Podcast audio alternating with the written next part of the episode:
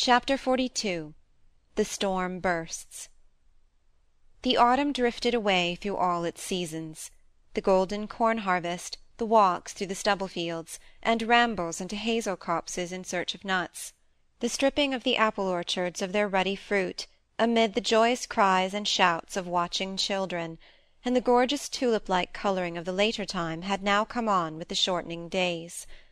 There was comparative silence in the land, excepting for the distant shots and the whir of the partridges as they rose up from the field. Ever since Miss Browning's unlucky conversation, things had been ajar in the Gibsons' house. Cynthia seemed to keep every one out at mental arm's length, and particularly avoided any private talks with Molly. Mrs. Gibson, still cherishing a grudge against Miss Browning for her implied accusation of not looking enough after Molly, chose to exercise a most wearying supervision over the poor girl. It was, "Where have you been, child? Who did you see? Who was that letter from? Why were you so long out, when you had only to go to so and so?" just as if Molly had really been detected in carrying on some underhand intercourse. She answered every question asked of her with the simple truthfulness of perfect innocence but the inquiries, although she read their motive, she knew that they arose from no especial suspicion of her conduct, but only that Mrs. Gibson might be able to say she looked after her well, chafed her inexpressibly. Very often she did not go out at all, sooner than have to give a plan of her intended proceedings, when perhaps she had no plan at all, only thought of wandering out at her own sweet will, and of taking pleasure in the bright solemn fading of the year. It was a very heavy time for Molly zest and life had fled, and left so many of the old delights mere shells of seeming. She thought it was that her youth had fled at nineteen. Cynthia was no longer the same somehow, and perhaps Cynthia's change would injure her in the distant Roger's opinion. Her stepmother seemed almost kind in comparison with Cynthia's withdrawal of her heart. Mrs. Gibson worried her, to be sure, with all these forms of watching over her, but in all her other ways she at any rate was the same. Yet Cynthia herself seemed anxious and careworn, though she would not speak of her anxieties to Molly.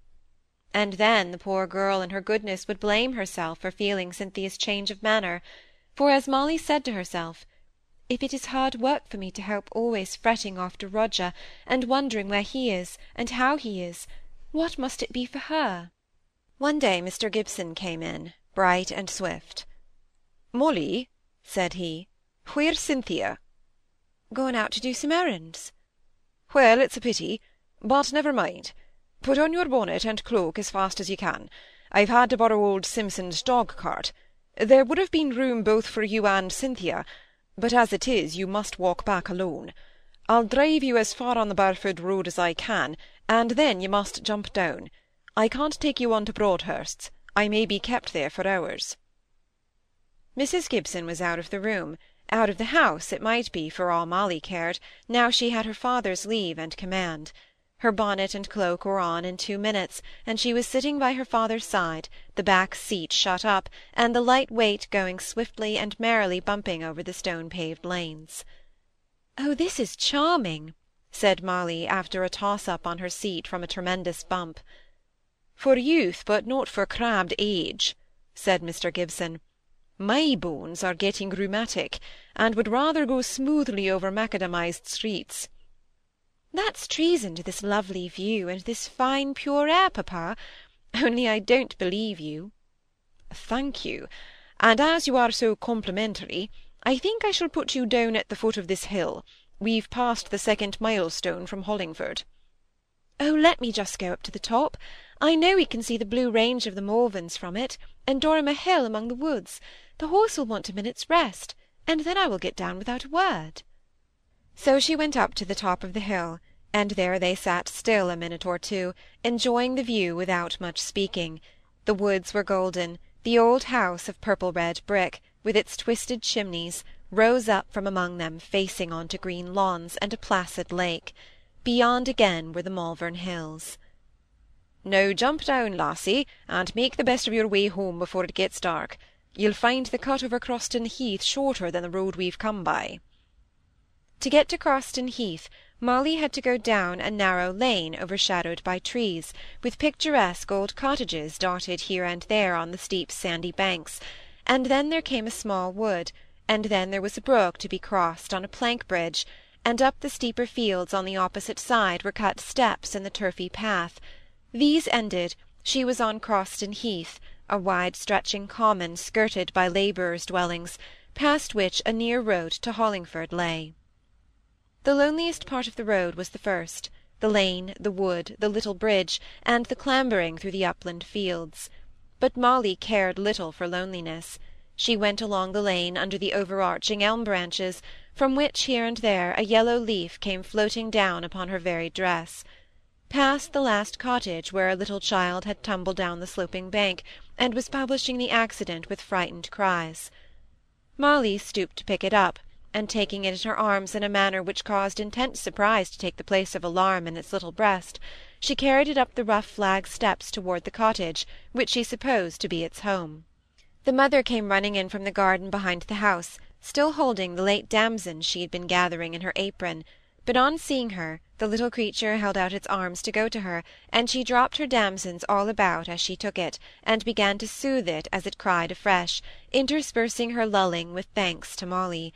She called her by her name, and on Molly asking the woman how she came to know it, she replied that before her marriage she had been a servant of Mrs. Goodenough, and so was bound to know Dr. Gibson's daughter by sight. After the exchange of two or three more words, Molly ran down into the lane and pursued her way, stopping here and there to gather a nosegay of such leaves as struck her for their brilliant colouring. She entered the wood. As she turned a corner in the lonely path, she heard a passionate voice of distress, and in an instant recognized Cynthia's tones. She stood still, and looked around. There were some thick holly bushes shining out dark green in the midst of the amber and scarlet foliage. If any one was there, it must be behind these thick bushes. So Molly left the path, and went straight, plunging through the brown tangled growth of ferns and underwood, and turned the holly bushes. There stood Mr. Preston and Cynthia, he holding her hands tight, each looking as if just silenced in some vehement talk by the rustle of Molly's footsteps. For an instant no one spoke. Then Cynthia said, "Oh, Molly, Molly, come and judge between us." Mr. Preston let go Cynthia's hand slowly, with a look that was more of a sneer than a smile, and yet he too had been strongly agitated, whatever was the subject in dispute. Molly came forward and took Cynthia's arm, her eyes steadily fixed on Mr. Preston's face. It was fine to see the fearlessness of her perfect innocence. He could not bear her look, and said to Cynthia, the subject of our conversation does not well admit of a third person's presence. As Miss Gibson seems to wish for your company now, I must beg you to fix some other time and place where we can finish our discussion." "I will go, if Cynthia wishes me," said Molly. "No, no, stay. I want you to stay. I want you to hear it all. I wish I had told you sooner." "You mean that you regret that she has not been made aware of our engagement, that you promised long ago to be my wife? Pray remember that it was you who made me promise secrecy, not I you." "I don't believe him, Cynthia. Don't, don't cry if you can help it. I don't believe him." "Cynthia!" said he, suddenly changing his tone to fervid tenderness. "Pray, pray do not go on so. You can't think how it distresses me." He stepped forward to try and take her hand and soothe her, but she shrank away from him, and sobbed the more irrepressibly. She felt Molly's presence so much to be a protection, that now she dared to let herself go, and to weaken herself by giving way to her emotion. "Go away," said Molly. "Don't you see you make her worse?" But he did not stir. He was looking at Cynthia so intently that he did not even seem to hear her. "Go!" said Molly vehemently. "If it really distresses you to see her cry, don't you see it is you who are the cause of it?" "I will go if Cynthia tells me," said he at length. "Oh, Molly, I don't know what to do," said Cynthia, taking down her hands from her tear-stained face, and appealing to Molly, and sobbing worse than ever. In fact, she became hysterical, and though she tried to speak coherently, no intelligible words would come. "Run to that cottage in the trees, and fetch her a cup of water," said Molly. He hesitated a little. "Why don't you go?" said Molly impatiently. "I have not done speaking to her. You will not leave before I come back?" "No.